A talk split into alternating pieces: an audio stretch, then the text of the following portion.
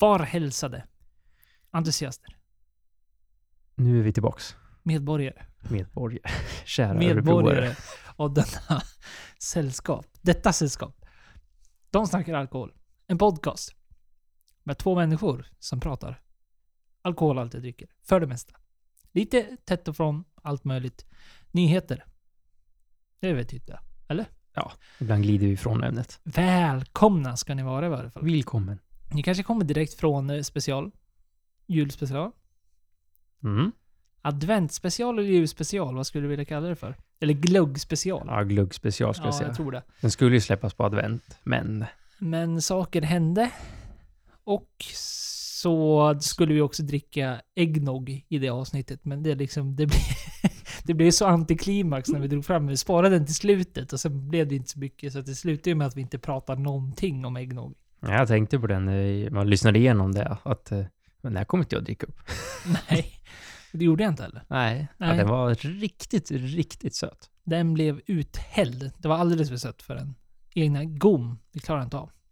Ja, lite så. Alltså, det, var in, det var inte mer. Men jag förstår folk som tycker om söta, sliskiga drinkar så måste det där vara fantastiskt. Ja, nej men gillar man sött och sockrigt och sådär, och det är ju många som gör, och det ska man inte skämmas över.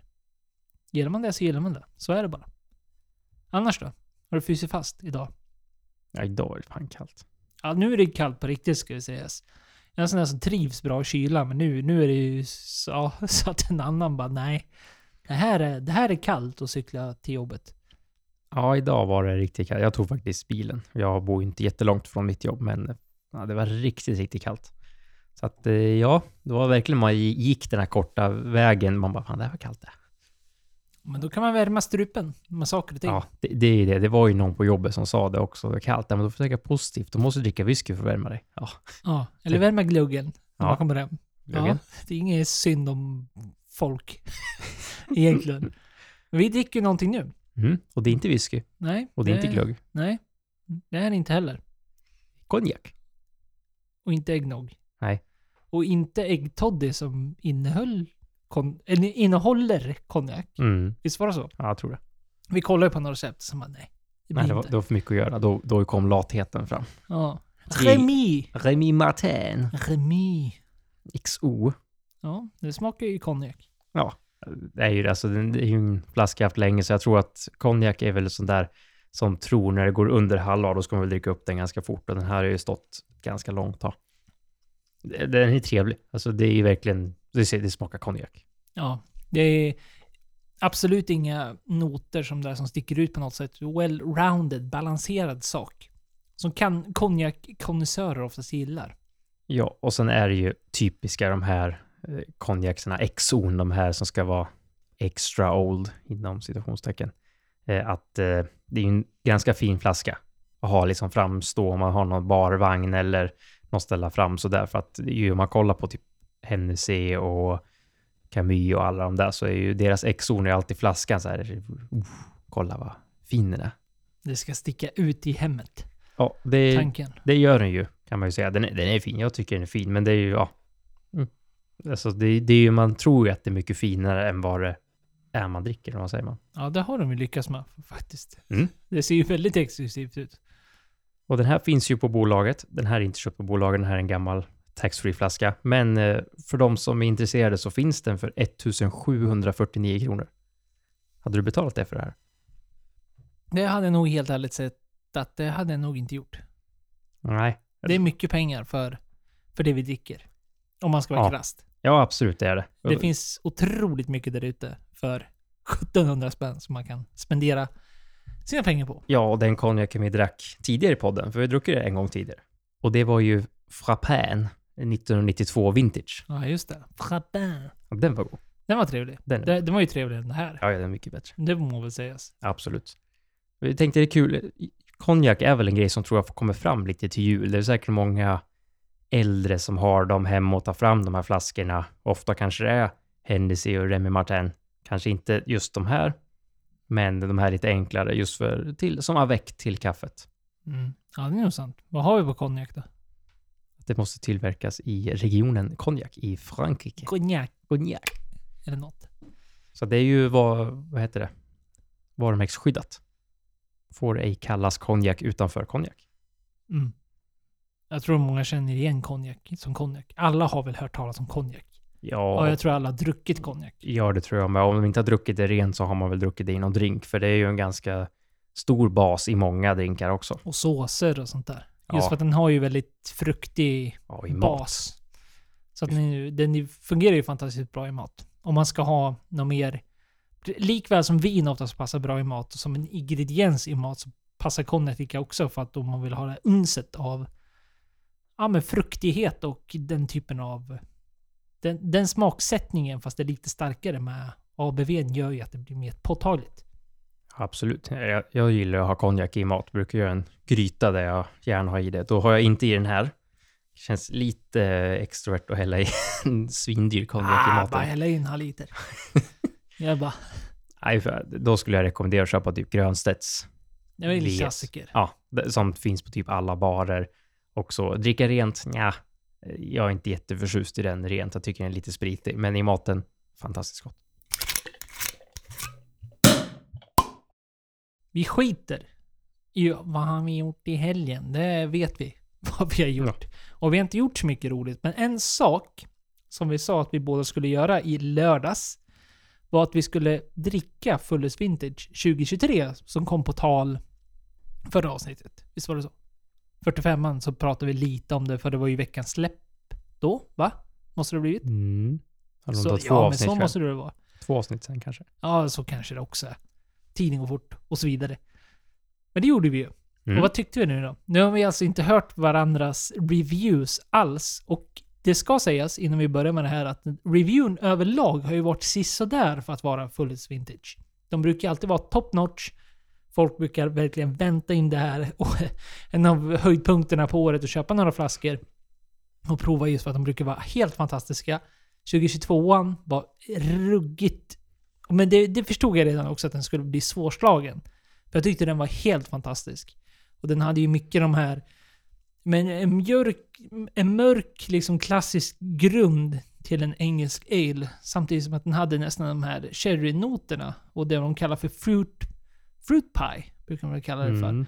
Så som oftast används som en beskrivning av eh, sherrylagrade whiskys. Och den var fantastisk. I mitt tycke. Men 2023. First impressions. Jag tyckte fick det first impressions av när vi drack och testade Fullers i podden här i början på vår bana, karriär, vad säger man? Att det var, som någon hade skrivit, att den kändes lite överekad och lite jordkällare. Liten sån ton fick jag. Och väldigt mycket lakrits. Mhm. Lakrits. Ja, Mm. jag fick lakrits då i alla fall. Okej. Nu tås jag säga att jag har varit sjuk. Så att eh, smaklökarna kanske inte var helt top Så du notch kanske har helt fel. andra Helt fel. Den var helt fantastisk. Lakrits var något helt annat. Lakrits. Hummer. Hummer. Med smak av hummer. Ja, Okej, spännande. Men tyckte du om den då? Jag tyckte den var god, men eh, jag håller helt med som du säger. 2022 den var ju... Ja, det, var- det var ju taskigt att komma efter den. Det var liksom svårt att slå. Mhm, Så att verkligen. Det var, den är helt fantastisk och 2021 tycker jag också är bra. Då är 2022 bättre. Så det här var ju absolut inte den bästa av de senare släppen, men jag tycker fortfarande att det var bra. Så att jag sitter inte och säger att det här var dåligt, men det var, det var en liten besvikelse, men jag tror att man hade för höga förväntningar mot 2022. Mm, mm. Ja, men jag vill ju hålla med. Att den var... Alltså 2022 står i sitt egna, sitt egna lilla fack när det väl kommer till bra fullis vintages som har släppts. Men jag tyckte även att 2023 det var mer klassisk. Klassisk ale. Alltså mer det här klassiska fullers, jag menar alltså typ ESB-hållet. Den typen av eh, liksom bitterbeska typ som är under noten. Och den var den var liksom bra. Absolut. Men det är ingen... Jag håller helt med att det här är ingenting jag kommer kunna hylla till skyarna. Kanske blir bättre med lagring. Jag skulle gissa på det. Men den påminner också lite mer om de här äldre släppen. Alltså när vi går tillbaks 2015, 16, 17. För flera år sedan. Den påminner lite mer åt det hållet skulle jag säga. Och det var bra. Men då får man ju också, som alltid, man får värdera det här att är, är det här värt 85 kronor. Och jag ser mig svårt som ändå jag gillar Fullers och det Fullers brukar göra. Men skulle jag ställa upp en ESB bredvid den här, tänkte jag på när jag väl drack den. Att, ja men alltså det är... Den är inte värd fyra gånger priset. Jag har svårt att se det. Eller tre gånger, vad fan det blir. Matte. Stark. men det var väl där någonstans. Och det, det är kanske inte heller är något fair att gå in och så, men medan 2022 var en sån där som man tyckte att ja, men det, här, det här är ett helt unikt uttryck. Det här är riktigt, riktigt bra. Det är ju värt de här, den stora pengen man gör. Man förstår grejen. Men det är svårare att argumentera för det. För den här faktiskt, även om den var bra, men är den så bra? Ja, lite så. Jag håller med du. Det tänkte jag inte på, som du sa, att det är sån där, den där bitterheten, det var ju väldigt dominant, som sägs som det är egentligen i vanliga fuller, så att det var absolut ingen, ingen dålig så. Utan det är absolut god, väldigt bra, väldigt rolig. Alltså det är alltid roligt att prova Fullest Vintage Ale, men sen tror jag att förhopp- förväntningarna var 2022 och man skulle kanske dra ner dem lite grann. Men fortfarande jättegod öl. Värt att köpa i alla fall en flaska och prova. Och vill du prova att lagra så absolut, det är ju tio års lagringspotential på dem. Ja, om inte längre till och med. Om man gör det rätt, så att säga. Nej, men det var kul. Kul att prova. Men ja, lite av en... Jag skulle inte kalla det för besvikelse, men ja, jag förstår recensioner däremellan. Och just för att den var så jätteelig så förstår jag också att det var många som inte tyckte den var så bra heller. Just för att det är en väldigt specifik smakprofil. Vad vet du om Hattingley Valley? Hattingley Valley. Det är inte jättelätt att säga. Hattingley Nej. Valley. Det är mycket... Mm, ty- typiskt de här walesarna. Nej, eh, dålig koll innan vi eh, såg den här nyheten att eh, de kommer komma in i över hundra systembolag i Sverige. Och det är såklart ett mousserande vin. Och det är ett vin som kommer komma... Det finns redan i butikerna. Första december Just det. kommer det ut. Så det, det finns här importerat av Wicked Wines, Sweden. Och det här är då en, en hyfsat stor eh, producent, får man väl ändå medge. De har exporter framförallt till Norge. De fortsätter på den skandinaviska marknaden. Marknaden. Och det är ju ett ganska nytt, eh, eller ny vingård som man säger. De har ju hållit på ungefär sedan 2008. Så att det är ju liksom inte det här om man pratar om till exempel champagne och andra vinregioner, att det är flera hundra år de har haft eh, samma hus och slott och så, utan det är relativt nytt och att på så kort tid lyckas slå igenom så bra och lyckas fått igenom det här till Systembolagen i Sverige för en eh, hyfsat bra peng ut till kund också. Ja, vi har ju nämnt flertal gånger den eh, brittiska exporten när det kommer till viner och hur jordmånen har visat sig vara ganska bra. Och en av de få positiva sakerna med klimatförändringen som vi har, att det har blivit så främjande till att odla vin. Och ja, det är kul att se att det liksom blir ett större intresse. Och det här är inte bara i Sverige, utan det blir ett större intresse rent globalt. Och då tar man en sak som att de har redan kommit in i det norska monopolet sedan lång tid tillbaka. 2015 kom de in där. Så har det stått för totalt 25% av exporterna av engelskt och Welsh wines i Norge. Bara. Så att norrmännen verkar ju vara riktigt fantaster av det här bubblet. Det är kul. Alltså, det är ju roligt när det kommer någon så här contester till champagne. Sen är väl champagne champagne. Men om man jämför typ det här mot kanske eh, sekt och prosecco och cava, kanske liksom blir det någonting att, som sticker ut lite här. För jag är inne och kollar på Systembolaget och eh, deras vanliga Hattingley Valley Classic Reserve kostar 339 kronor för en 75 Ja, det är ju väldigt bra pris. Ja, absolut. helt överenskomligt. Så. För liksom ett ganska hyllat eh, bra bubbel. Som är däremot även spännande. Så Mm. det här kan ju nästan vara en liten... Kan det vara en nyårsrekommendation ifall man vill dra upp något helt säreget ifall du ska till ett sällskap och du ska poppa någonting. Så som många gör där vid tolvslaget så kan man alltid argumentera. Är det rätt tillfälle eller inte att öppna upp ett bubbel? Men då kan du vara lite ensam där och stå där med ett brittiskt vin istället för att köra en klassisk kava eller dylikt. Ja, då går vi vidare till whisky. Det pratar vi sällan om Ja, i denna podcast. kul att vi tar upp någonting. Nu har vi ändå liksom, dricker vi ka- konjak, då kan vi prata om whisky. Och något vi absolut aldrig pratar om är ju värdet av whisky. Hur det går upp och ner. Premiumization. Premiumization. Det lät som Joakim Bodén. Brodd. Men eh, sånt är livet. Och nu kommer det väl kanske inte, det är väl ingen jätteskräll, men det kommer en liten krasch på marknaden när vi pratar om whisky, rare whisky inom quotes on quote. Och det är ju som världsläget ser ut nu. Och det, man kan alltid spekulera varför händer det nu för varför hände det inte tidigare? Och en av dem är ju just det här med att eh, dålig konjunktur eh, och det är dyrt mycket nu. Och även så är det ju julen som närmar sig. Om det kanske har en litet finger i spelet här. Ja, absolut. Det tror jag nog det kan göra att folk väljer att lägga pengar på något annat. Till sina nära och kära istället. Och jag tror även att man skulle kunna räkna in en... Eh, ja men energin. Alltså energikostnader som har varit som liksom chockerade väldigt många förra året. Och det var inte bara i Sverige vi hade väldigt dyra priser rent för energi och el. Utan det var ju på många ställen runt om i Europa som hade ovanligt hög. Så det kan ju vara det också att folk är beredda på att man lägger undan lite mer för att nu är man beredd på att den här smällen kan komma. För helt plötsligt kan man få en nedräkning på flera tusenlappar som man inte normalt sett är van vid. Det tror jag absolut. Det är ju liksom de här som har hur mycket pengar som helst, de kommer fortsätta köpa. Men de här som eventuellt lägger pengarna på det här, eh, alltså de som kanske är lite mer humana, eh, väljer då att inte göra det. Eh, som sagt, för har, har du mycket pengar som helst, då skiter du fullständigt om elräkningen är dyr. Ja, men så är det ju.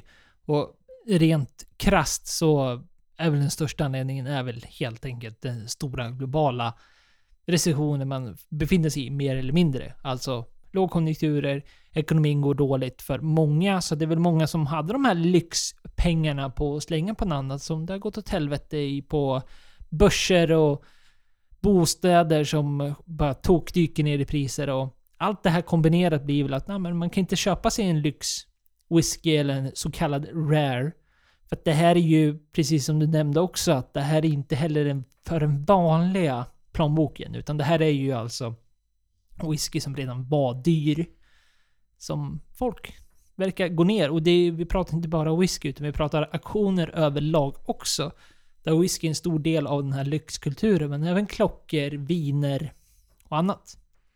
Och vi pratar ju såklart i, alltså från 10 000 till 100 000 och över pund. Så att det, det är ju inte det här när flaskan gick för 2 000 kronor, utan vi pratar ju 20 000 till 200 000. Så att det är ju, det är ju absurda summor och eh, whisky har ju stigit, precis som du säger, klockor och viner. Det är sånt som hela tiden går upp och ner.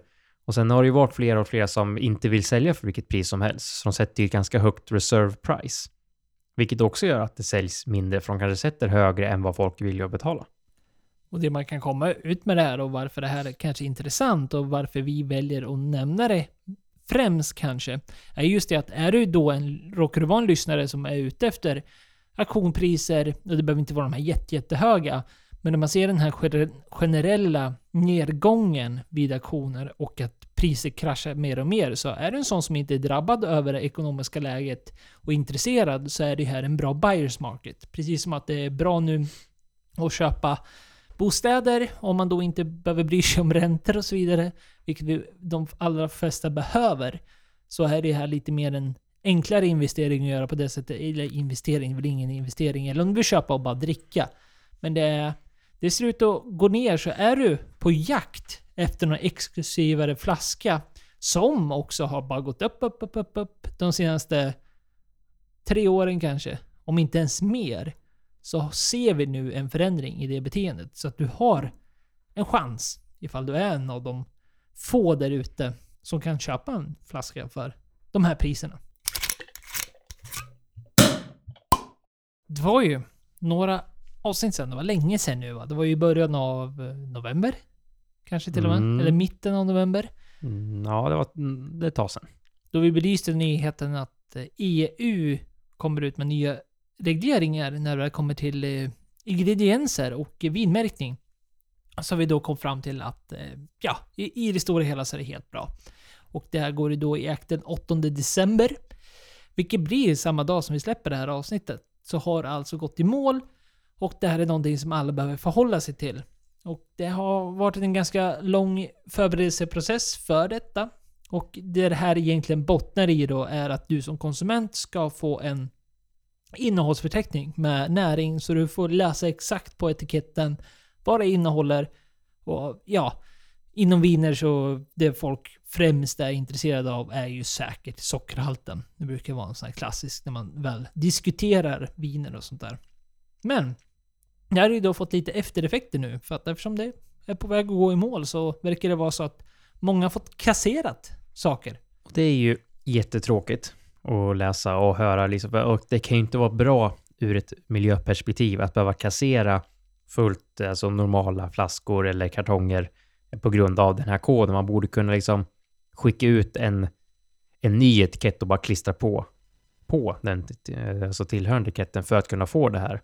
Nu är, står det ju inte i det här när vi läser vilka sorts viner det är eller vad, vad, vilka produkter det gäller. Om det är någon massbolag som skiter i, alltså som viner kostar, inte vet jag, 59 kronor så kanske de inte bryr sig så mycket.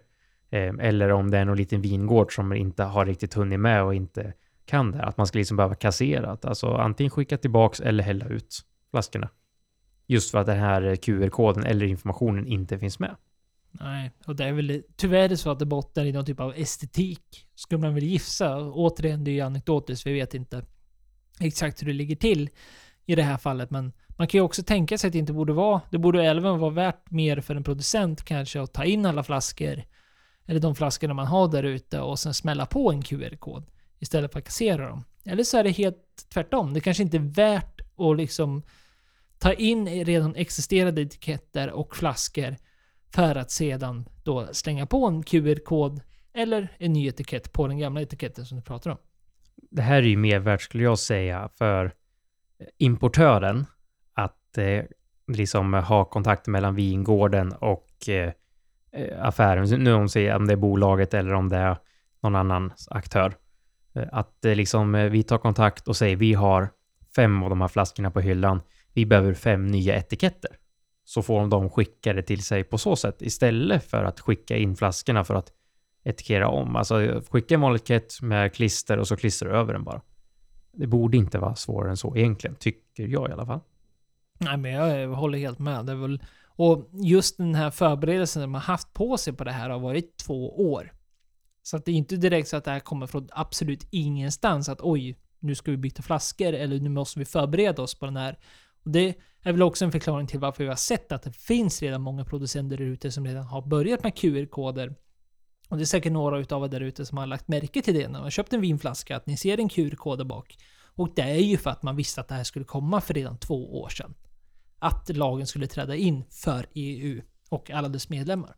Och det är, alltså det är ju bara bra egentligen. Att du har en QR-kod, kan scanna, få fram all information du vill få fram. Så att det ser inget negativt med det. Nej, absolut inte. Men jag har ju en take på det här. Eh, med att EU blandar sig i sådana här regler som gör att det från, från ett miljöperspektiv så låter det bra, men de gör det till en dålig grej. Som här när vi har redan skickat flaskor till producenter och sånt där. Det är ju inget fel på vinerna. Så att, liksom att man borde kunna få sälja ut de gamla vinerna istället för att behöva kassera dem från och med eh, dagen när vi släpper dagens avsnitt. För det var ju inte så länge sedan som vi bytte energidekaler på till exempel vitvaror och sånt. Vilket gjorde ju att efter det datumet, sista datumet som var, då skulle man kassera alla vitvaror som hade gammal energidekal. Och det var även så med lampor som hade gammal energidekal. Så kunde man också kasta fungerande lampor för att eh, du får inte sälja dem längre. För att det är fel energidekal. Fast det är inget fel på lampan och det är inget fel på det överhuvudtaget. Nej, visst. Nej, det, men det skulle man ju kunna implementera. Ja, men det, det är ju typiskt så här. EU har bestämt ur ett miljöperspektiv men att eh, går man till exempel till en lampbutik som säkert har hur många lampor som helst som sitter, då ska du helt ärligt, om inte leverantören kan branda om och skicka liksom en ny etikett, så ska du på riktigt kasta lampan. Det, alltså det, det är ju, ur ett miljöperspektiv måste det vara det sämsta som har påfångat där. Nej men absolut. Och det är väl det, det skulle man ju lätt kunna implementera precis som du säger, att man skulle kunna ha en utfasningsperiod. Så att det, man skulle ha ett... Eh, man De skulle ju kunna halvera på det då. Att man skulle kunna haft en... Vid implementering av den här lagen så skulle de ha fått ett års på sig. Eh, ett års förtid på sig och säga att nej men om ett år då börjar utfasningsperioden. Men sen skulle man ha en utfasningsperiod efter ett år. Istället för att nu ge dem två år och sen att det totalt kasseras. Väldigt som du säger, ur ett miljöperspektiv så är det jätteonödigt ju. Att det liksom blir... Att man hamnar där. Det är ju, blir ju tråkigt för, för alla inblandade. Men annars är det väl... Det är väl som du säger, även om implementationen av det här skulle kunna sköts snyggare och mycket, mycket bättre. Så är det här en väldigt positiv sak för oss alla och det är svårt att hitta några nackdelar med det här. Förutom det som vi diskuterade i det avsnittet när vi väl först började prata om det här för, ja, hur många avsnitt sedan det nu var. Är väl det om man är, bryr sig mycket om estetiken. Runt om det, att hur gör man det här snyggt? Men en QR-kod behöver inte vara så stor och den kan ju också bli implementerad i en etikett på en baksida utan att det liksom skriker på något sätt. Så att det tror jag inte kommer vara ett problem. För jag har även sett att det är väldigt många vinälskare och vinkonnässörer, framförallt i USA, som är jätteavundsjuka på det här. I och för sig då, då får man väl se det som att de har ju mer problem med tillsatt socker just ja, i USA så är de vana vid socker. Det är många som tycker om socker. Så att det, de har ju ett problem där att det är väldigt många producenter som lägger i extra mycket socker. Ja, Men det gör vi ju även här i Europa. Vissa producenter gör ju det. Så att det är väl, det här är ju också bra för oss och jag tror det är det man absolut högst bryr sig om. Som en eh, dryckesentusiast att faktiskt kunna se sockerhalten. Och då menar jag inte det utifrån någon så här näringsperspektiv eller liksom så här att man, man, inte vill ha socker utan snarare så här vilken typ av slutprodukt det kan indikera till det vinet man är ute efter. Och på tal om vin. Om vi kollar på ett spektra som man kanske inte riktigt tänker på direkt. Som jag tror väl nog inte att de här blev sådär jätte, jätte berörda av det här. var ju våra klassiska bag-in-boxer. För jag tänker att medan andra flaskor och sånt där kanske behövde vara tvungna till att kassera ifall man då hade, hade dåliga förberedelser för de här QR-koderna eller rakt på etiketter med näringsvärden och så vidare. Så gissar väl att det, det blir inte svårt att ersätta bag-in-box tänker jag. Det vill bara plocka ur själva aluminiumhöljet med vinet och sen ploppa in den i en annan låda bara. Ja, precis. Enkelt. Borde det vara i alla fall. Det har många så. fördelar. Ja, absolut. Enkelt, lätt att förvara. Perfekt om man är liksom ett större gäng eller om man svarar så är man själv. Och liksom så här inte vill öppna en flaska vin och ha den liksom undanställd eller i kylskåpet eller hur man gör det med att man kan ha sin bag-in-box. Man kan ta ett glas vin, man vill ha ett glas vin eller två. Och är man, eh, säger man, ett sällskap på fyra, fem personer så kan man ta fram den istället för att ta fram en flaska vin. Så det finns ju mycket positivt med just det här bag-in-box. Det gör ju det. Och vi har även diskuterat det här ur miljöperspektiv. Hur det blir så mycket lättare för att glas väger väldigt mycket. Det är väldigt energikrävande för att ta fram. Man har liksom ja, mycket positivt att säga om just bag-in-boxer.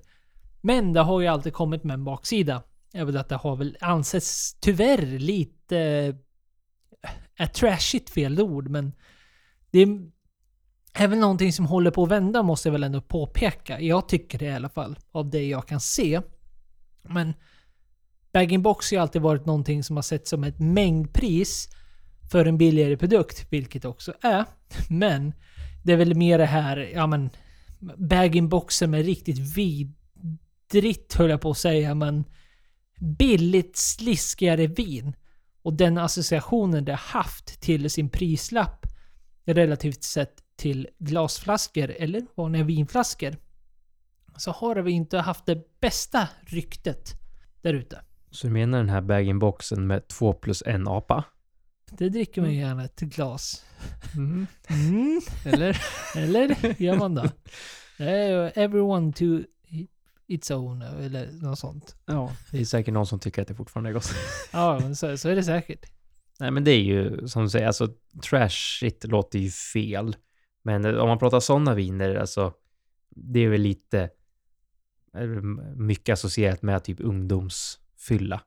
Ja, och det är väl det här det liksom har minnat ut sig i och så ser man bara bag-in-boxen som en bag-in-box och inte reflekterar över innehållet. Nej, för det finns ju bra bang boxar alltså med bra viner. Kanske inte det absolut prestigeviner. Jag har svårt att se till exempel att eh, Margot skulle komma med en bag-in-box. Och det har väl alltid varit liksom huvudargumentet typ mot en bag-in-box är just av de här mer högre, eller det räcker med, det behöver inte ens vara överdrivet dyrt vin som en Margot. Men ett vin som kanske tjänar på att laga sig några år. Och där är det ju svårt att komma in med argumentet med boxat vin. För att det blir svårt att lagra på samma effektiva sätt, om ens alls. Nu vet jag inte riktigt helt hundra på. Men eh, hela poängen med bag-in-box vin är väl att det är Ja men det händer ju ingenting där inne. Det är liksom hållbarheten är bra, men den är ju också gjord... Hållbarheten gör ju också att liksom det inte går att utveckla smakerna på samma positiva sätt som du kanske gör i en glasflaska. Och då blir det ju liksom det här att det är ingen värt att hälla in något fint premiumvin i en bag-in-box om det inte är så att det är någon som gör det bara för att det här vinet ska du dricka. Så att det inte blir någon som sitter och hårdar vinet, för det är ingen som kommer sitta och spara på sin bag-in-box hur länge som helst. Om vi säger så här då, för att vara helt hundra på, för att vi inte är helt hundra på hur bra det blir om man då skulle lämna ett boxat vin för en lagring, även om man kan killgissa sig fram ganska säkert till att det inte skulle bli så bra. Nej, men det räcker väl med att bara understryka att vi vet inte helt hundra. Så kan vi väl säga. Ja, vi är inga experter, vi är entusiaster. Precis. Så vi har ingen aning om hur bra det går att ha en bag-in-box vin liggande och skvalpa i 20 år i en vinkällare. vinkällare. Jag tror inte att det blir så bra. Det tror inte jag heller. Men vi vet inte. Vi vet inte. Nej. Men tror du det är på väg att vända då? Tror du att det finns det hopp för bag-in-boxen? Bortsett, om vi tänker nu att alla de här prestige och finare viner och sånt där, och vi köper det, att eh, de kanske borde lägga på en lättare glasflaska. För det bästa skull. För vinet, för alla entusiaster. Men det här vardagliga husvinet. Det känns som att det är på väg tillbaka. I alla fall liksom, eh, jag tror att det går samma sak i omgångar med högtider och eh, årstider. Sommaren tror jag att det säljs mer på hösten. Sen vintern känns som att kanske blir en liten sån här downtrip, att det kanske blir mer till jul och så, men att nyår vill ju folk lyxa till det. Då vill de inte ta fram bag-in-box tror jag. Då vill de ta fram en flaska. Och jul kanske är mer bag-in-box. Så Jag vet inte. Ja. Ja, nej, för det har ju ändå starka argument. Förutom den där klassiska miljöaspekten och allt det där. Så är det ju även eh, precis det du nämnde lite där vid introduktionen. Att det, det, en, en öppnad bag-in-box håller sig ju runt en månad. Om inte längre, framförallt om det är typ vitt vin eller rosé. Eller om du håller ditt röda vin kylt, men det, blir, det håller sig lite längre kylt. Men, ja, men en månad är ju ändå en lång tid. Om man tänker att du köper även ett bättre, nu ska jag säga quote on quote, de bästa vinerna har vi redan kommit fram till att de- ligger på glasflaskor av Mm. den anledningen. Men det finns ju även väldigt trevliga bag-in-boxar där ute. Som, ja, håller en månad. Det är ändå mycket om man då tänker att du köper en bag-in-box för 300 spänn. Det är 3 liter. Det räcker ju bra tag. Har du några favoriter eller?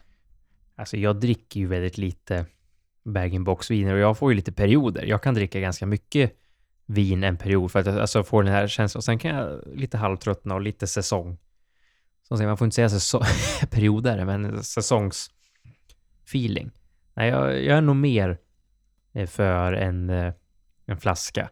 I alla fall när jag är själv. Men jag har absolut inget emot. Och jag tycker att många av de här klassiska fake Amarones, de här Appassimento-vinen, många av dem tycker jag gör sig bra på dunk. Ja, men jag håller helt med. Jag tycker det finns några fina där ute. Primitiva och Sensa tycker jag är helt okej. Apothic Red, som också säljs i och för sig då i, i flaskor, men finns också som jag tycker fungerar. Och många andra sådana här typer av blends som ja, men är till för att du häller upp det och så dricker du det till någon god maträtt på en gång. Det är liksom återigen den här lagerpotentialen. Även ett roligt släpp som vi inte nämnde när det väl släpptes, men finns på Systembolaget nu, är det Gemtree Organic Shiraz 2022. Ekologiskt, det ska vara miljöcertifierad och det ska vara socialt ansvar. Och i och med att det är i en box så blir det lägre klimatavtryck. Väldigt låg sockerhalt för 300 spänn. Alltså ett boxvin då från Australien. Det här måste jag prova faktiskt. Men det finns mycket roligt där ute också menar jag. Det är det mitt syfte är. Att det liksom, man behöver inte bara se det som att åh, men det här är en, en blend vin av någonting som jag ska ha för att jag ska bjuda många. Utan det finns ju även så här roliga, man bara jaha. den här kom upp. För det här var en sån där som kom upp när jag väl sökte just på, på Systembolagets det här miljöcertifierade socialt ansvar, lägre klimatavtryck, bla bla bla bla bla. Nej, men är det någon som har någon någon favorit bag-in-box som ni köper hemma som blir ert husvin så får ni gärna höra av er till, vår, till våra sociala medier eller till kontakt snackaralkohol.com. Jaha du Viktor. Mm. Julklappar. Usch. Folk vill ha dem. Ja. Vill du ha dem? Ja. Önskar du dig någonting? Dryckesvägsmässigt? Jag önskar mig nästan bara dryckesvägsmässigt. Jaha, något specifikt eller? Jag önskar mig en, Bag-in-box. en baggy-box, ja. baggy-box, tre apor, Blue Nun. Och en platta Sprite. Jajamän. Ja. Uff, nu är vi igång igen. Sen har man ju sett för ett par helger. Mm. Nej, jag, jag önskar mig en champagnestoppare, för det har jag inte. Och sen eh, form för stora iskuber. För det har jag inte heller, för att som kanske inte folk i podden vet, men som du vet så hatar jag de här små iskuberna man får med i de här man köper, eller som man får med kylskåpet och frysarna. Det är helt jävla värdelösa. Ja, ja du, du har starka känslor när det kommer Ja, till jag det. Du är en människa som köper is. Ja, jag, kör, jag lägger hellre nästan 50 spänn på is Det är helt än att ta de här jävla skiten som man får med sig. Fan vad lack jag är på dem. Ja. Jag tror jag aldrig använt det så som man fått med sig dock. Jag har köpt till. Men eh, ja, nej men eh, det... det, det every... Kör. Mm. Ja. Ja, jag önskar mig det och sen önskar jag mig sprit slash alkohol. Så är det liksom inget, inget specifikt utan bara Ja, nå- nej, jag, någon dryck typ. jag har fullt förtroende för min familj. För eh, min familj är ju som din, alkoholintresserade. Så jag litar ju på att de kanske hittar någonting kul. Och jag tycker det är kul att få flaskor för att eh, visst, man köper mycket, men det är alltid roligt att få någonting. Bara liksom, det spelar ingen roll om det är en flaska vin eller en flaska champagne eller om det är en whisky eller rom eller alltså, det är alltid kul att få någon liten flaska på jul som man inte hade köpt själv. Eller så, för jag, den här gången har jag inte önskat mig någon specifik flaska, utan jag tänker att nej, surprise. Mm. Ja, du då? Spännande. Nej, inte sådär jättemycket. Jag har faktiskt önskat mig trapistölglas. Faktiskt. Det kan behövas. Det kan behövas. Jag har många former av allt från vete till vanliga till kupigt och till mycket sådana här trevligt, trevliga ölformer. Men jag har faktiskt inte idag trappistölglas. Och det är helt sjukt. När man Mm. tänker efter. Det har ju inte jag heller. Men jag har ju ingen mer plats för glas. Jag önskar mig inga glas Ja, men då får du ju bygga din hylla. till. Ja. Hur svårt kan det vara, Viktor? Ja, nej, jag skulle ju behöva f- införskaffa mig mer ölglas. Så det är ju, stämmer ju helt. Och eh, sen är det så här att du inte har det. Det är ju pinsamt. Ja, men så är det ju. Jag vet inte varför man inte har det. Och det är därför jag önskar mig det i och för sig. Så det är väl någonting sådär som man vill ha. Och trappistöl för den som inte vet, de är ju så här, de är ju runda och så är de breda. Och det är även det som passar bra till typ blonds och sånt där. Just för att de skummar nog så jävligt ibland. Så att de är till för att få bort det. För folk som inte visste om det så tycker ju både du och jag om trappistöl. Det borde du fattat om du lyssnar på den här podden. Ja, men det får man väl ändå hoppas. Att folk har gjort. Så det vill jag ha. Men har du någon sån där tips till folk där ute? Nu är det ju typ sista chansen i och för sig att önska sig någonting innan att det liksom det slår in. Men Har du någon sån där? Vad är en bra julklapp till? Att önska sig som entusiast eller till att ge en annan entusiast? Vad skulle du säga? Har du några topp? Det är ju så svårt beroende på, pratar vi en eh, dryckesentusiast som liksom tycker om eh, alltså drycker i allmänhet eller pratar vi någon som är specifik på vin eller öl eller sprit? Det, det är den som är lite rolig beroende på vad det är. Alltså glas är ju aldrig fel. Sen beror på vad det är för glas. För till exempel är man, tycker man om viner, alltså viner är ju gott, alltså det är alltid kul att få något finare vinglas kanske till sig själv eller två stycken om man är två hemma. Då finns det ju två pack både från till exempel Riedel och Orrefors. Jag har ju båda, båda de hemma och jag tycker det är jättegott att dricka ur. Glencairn-glas är ju också ett, måste för en whiskyentusiast man kan aldrig ha för många Glencairn-glas. Nej, det är väl ett säkert kort skulle jag nu vilja påstå. Den kan-glas går alltid hem. Och annars skulle jag säga eh, drinksglas. alltså rätt sort, för det finns ju mycket olika där också. Det finns ju gin och tonic-glas, de här som är lite större och ser ut som stora vinglas och även highball-glas. Och så finns det ju andra martini-glas. Alltså det finns mycket kul beroende på vad det är, för det har ju varit nästan min to-go tror jag de senaste julen. Jag önskar mig specifika glas. Nu har inte jag haft något speciellt. Jag hade ett trappistglas som man skulle behöva ha, men det är för trångt just nu så att jag avstod den. Annars tror jag jag önskar mig glas varenda jul, just för att det kostar pengar och då kanske man kan önska sig något lite finare eller om man hittar något specifikt. Just än att åka in och köpa dem billiga själv så blir man lite snål och så är man missnöjd. Mm. Ja, det finns risken. Annars, Men det, det köper jag. Ja. Av det du nu sa så köper jag det. för annars Ja. är det svårt. Alltså, för det är många som ser glas. Nu får man ju tänka sig, precis som du sa, beroende på hur stor entusiast det är. Så en entusiast som gillar att dricka bra viner och så vidare ur, ur ett specifikt glas. Jag menar, då funkar det med ridelglasen och allt vad du pratar om. Men annars ska ju glas vara svårt för att folk har olika serier och sånt där. När man är så här, kanske till och med 50-50. När man är sån där att man fortfarande njuter av ett glas, rött. Eller öl eller allt vad det var. Men man vill fortfarande ha den här smidigheten att man vill ha många saker man delar med sig så man bygger upp en serie. Och att man vill att de ska kunna köras i diskmaskinen utan att behöva oroa sig. Jag är ju en sån. Det är ingenting i mitt hus kommer in om de inte går att köra i diskmaskinen. Det är en sak som är väldigt säker. ja men det håller jag med om. Det var därför jag sa om man ska köpa något finare om man är till exempel, alltså man vill ha något för sig själv. Att man är det. Men sen blir det ju det att har du som ett, ett fint vinglas som du alltid vill dricka ur och så kanske kommer gäster och säger då har du någon annan serie eller något billigare glas. Då vill ju du kanske inte dricka ur de billiga glasen, men du har kanske inte en serie av de här finare. Så det, det är ju en svår. Eh, det är ju perfekt. Eh, alltså man kan önska sig också i typ jul och födelsedagar och kanske önska sig om det är två pack eller en pack. Ja, men jag önskar mig ett glas, ett glas, ett glas. Till slut har man fått ihop hela serien. Annars så... Annars är det ju så tillbehör till en dryckesentusiast. Whiskystenar. Nej, alltså det är väl det Är inte största det skämtet. klassiska sämsta presenten som folk Jo, jag tror brukar kunna det. ge bort? Ja, folk tror att folk vill ha whiskystenar. Vi, vi har ju testat whiskystenar. Det gör ju ingenting. Eh, blir- Det blir väl bara kallt eller? Ja, det Det blir inte ens kallt. med dem.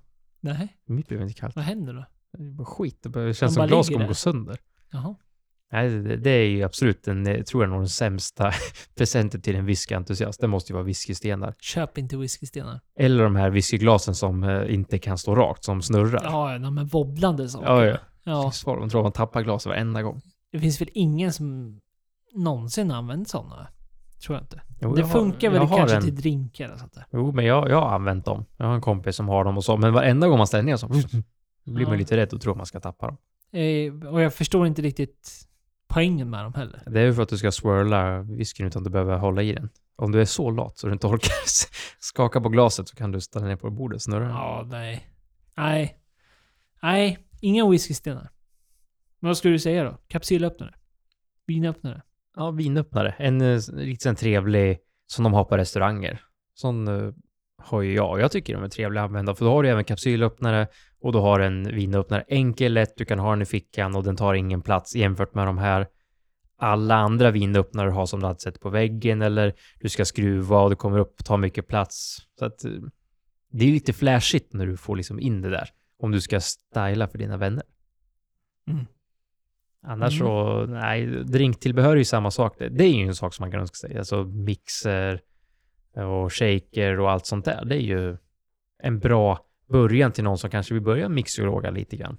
Ja, det är ju det jag tycker väl också att det är, det är svårt att veta vad man ska lägga sig där med. Då måste man ju verkligen ha kunskap till den. Det är ingen som man går och köper till en så här avlägsen kusin direkt och sen, sen hoppas på att det blir bra. Det tror jag inte. Nej, för att det, grejen blir att då blir det ju... Det finns ju oftast såna här vanliga klassiska startpaket. Men det är ju också ganska så här mediokra grejer, minst sagt, om inte till och med sämre. Och har du då någon som är verkligen är intresserad och vill snappa upp sitt, jag menar, då kommer inte den bli jätteglad av av ett sånt mexolog-kit. Utan då kanske det är mer värt. Har du någon, vet du att det är någon som, som är lite mer in, inbiten och vill öka? Jag menar, men köp ett blandsked då. Och jag menar, de kan ju kosta upp mot 250-300 spänn på typ Servera och sådana ställen. Och det är ju svindyrt för en jävla blandsked, men ja, men då är det kanske värt att lägga de pengarna då. Ja, absolut. Så det, det är en kul grej och då kan man kanske lägga de pengarna, alltså inte köpa en plast utan köpa en i metall eller någonting så att det ser lite flashigt ut. Skulle vi nämna någon typ av dryck dock, så skulle jag faktiskt rekommendera öl. Om Mm. du ska köpa en julklapp alltså till en entusiast och eh, du är lite osäker på vad du ska ge. Och då om du vet att människan i fråga i alla fall gillar öl. Och varför jag säger det, det är dels för att det blir väldigt lätt att lägga sig i någon typ av budget. Det kan vara sån här, är det någon, jag inte vet jag, respektive farsa eller något sånt där. Jag menar visst, då, då är det 100 spänn man ska lägga, så lägger man 100 eller 50. Om man bara ska göra något mer symboliskt. Men då lägger man på det. Men det finns ju... Det är ett väldigt brett spektra på att hitta roliga saker. Och sen har du en budget på 500 spänn, jag menar, då kan du ju liksom så här drömtrevliga öl. Du kan väl köpa de här stouterna för eh, 80, 90 stora öler. liksom såna här öler som kanske en entusiast verkligen skulle uppskatta. Det är väldigt lätt att lägga sig både på en låg, lägre nivå för att göra någon glad samtidigt som att det är väldigt lätt att förhöja sig till de högre nivåerna. Där vin och framförallt whisky blir väldigt svårt. Eller konjak eller någon typ av spritdryck som gärna rinner iväg. Där liksom, där lägger du dig då 300 spänn. Alltså köpa ett vin för 300 spänn. Ja men visst, bra. Då får du liksom ett ändå schysst Barolo exempelvis. Som du kan ge en vinentusiast som kommer gilla. Men 300 spänn i öl, då kan du ju verkligen få upp ett riktigt trevligt bord till en dryckesentusiast. Och pratar vi whisky, rom och sånt där, men då, då är vi nere på budgetnivå helt plötsligt. Så att det är ju svårt. Ja, det alltså, är väldigt svårt. Och det är ju också, är det någon som precis har börjat sin, till exempel whisky eller romresa, då kan det vara bra. För då kan du, alla instegs eh, whiskys och romer, då kan det finnas någon som kanske passar för man inte har provat allt och köper någon runt 300 eller 400 om man har den budgeten eller 500. Så kanske man kan köpa någon som den personen inte har för att testa. Men är man en riktig alltså inbiten eh, halvnörd eller entusiast, då blir man ju inte jättenöjd om någon kommer med en flaska famous eller eh, latitude på plastflaska och säger ja, jag visste att du tycker om whisky. Man bara mm. Det ja, det jag. blir ju tyvärr den då. Ja, så att det, det är ju det här liksom veta vad det är för person och det är ju såklart svårt att säga om det liksom är någon man inte umgås så mycket med eller om det är någon som säger om det blir någon svärfar eller någonting som man inte har koll på. Då, då är det ju svårt. Då får man nästan liksom göra någon, någon sorts efterforskning eller så gör som du säger, köpa öl. En platta båga. En platta båga, Och en 10 tändare. Så kan du köra dina varm båga om termos. Självklart. Ja, varför inte? Till styvfar. Säger jättebra. Tackar Tackar, tackar. för er uppmärksamhet. Och att ni har lyssnat. Ja, det kanske de inte har gjort. De Nej. kanske inte varit uppmärksammade heller. Men vi hoppas att du har varit det. Och vi tackar dig som är det. Vi tackar även dig som, ja, halvt sitter där med ena örat på podcasten och sen viktigare saker så som ja, jobb andra, och, andra örat i mötet. Ja, precis. Sitter där med halv med en sån här airpods och har sig. Vi uppskattar det som bara den att ni fortsätter lyssna. Det, ni, det verkar som att ni fortsätter lyssna och ni blir bara fler och fler och det är vi högst tacksamma över. Ja, det är jätteroligt och eh, skulle även vara kul om det är någon som har något speciellt bra tips till en dryckesentusiast. Liksom, vad blir den julklappen eller vad är den julklappen du själv skulle vilja få? Lämna en kommentar på våra sociala medier. På, på avsnittet så dela med dig med... Så kan andra lyssnare gå in och kolla vad du ger för hett tips. Precis, dela med dig av eh, din kunskap och dina förslag. Så eh, har vi inte så mycket mer att säga utan nu är det bara ut i den här Det jävla kylan. Har du? Lyssna på vårt julavsnitt. Ja. Eller vad, vad kallar du det för? Adventsid jul? Vad kommer vi fram till? Jul. Jul. Julspecial. Det släpptes i onsdags, så det ligger alltså uppe. Det släpptes första advent på onsdag. Ja. Passande. Passande bra. Ja, det är spännande tidsaspekt vi har att jobba med. Men lyssna på det. Det ligger uppe ifall du har missat det. För det är ju Absolut. Det... många av er som går in och lyssnar på just fredagar. Då har ni missat att det är lite specialare. Ja, de har två avsnitt annars. Mm. Ja, det är bra. Då mm. kan man ju lyssna på när vi babblar om glögg och vad vi tycker om glögg. Och när vi dricker glögg. Ja. Det är kul. Ja, ja gott ja. Och när vi inte tycker om äggnog. Så ni har mycket att se fram emot. Men nu har vi inte så mycket mer att säga. Nej, nu får det vara bra. Ja, men skicka in mail om du vill det till kontakt.getsnackarepå.com så hörs vi nästa vecka. Tidur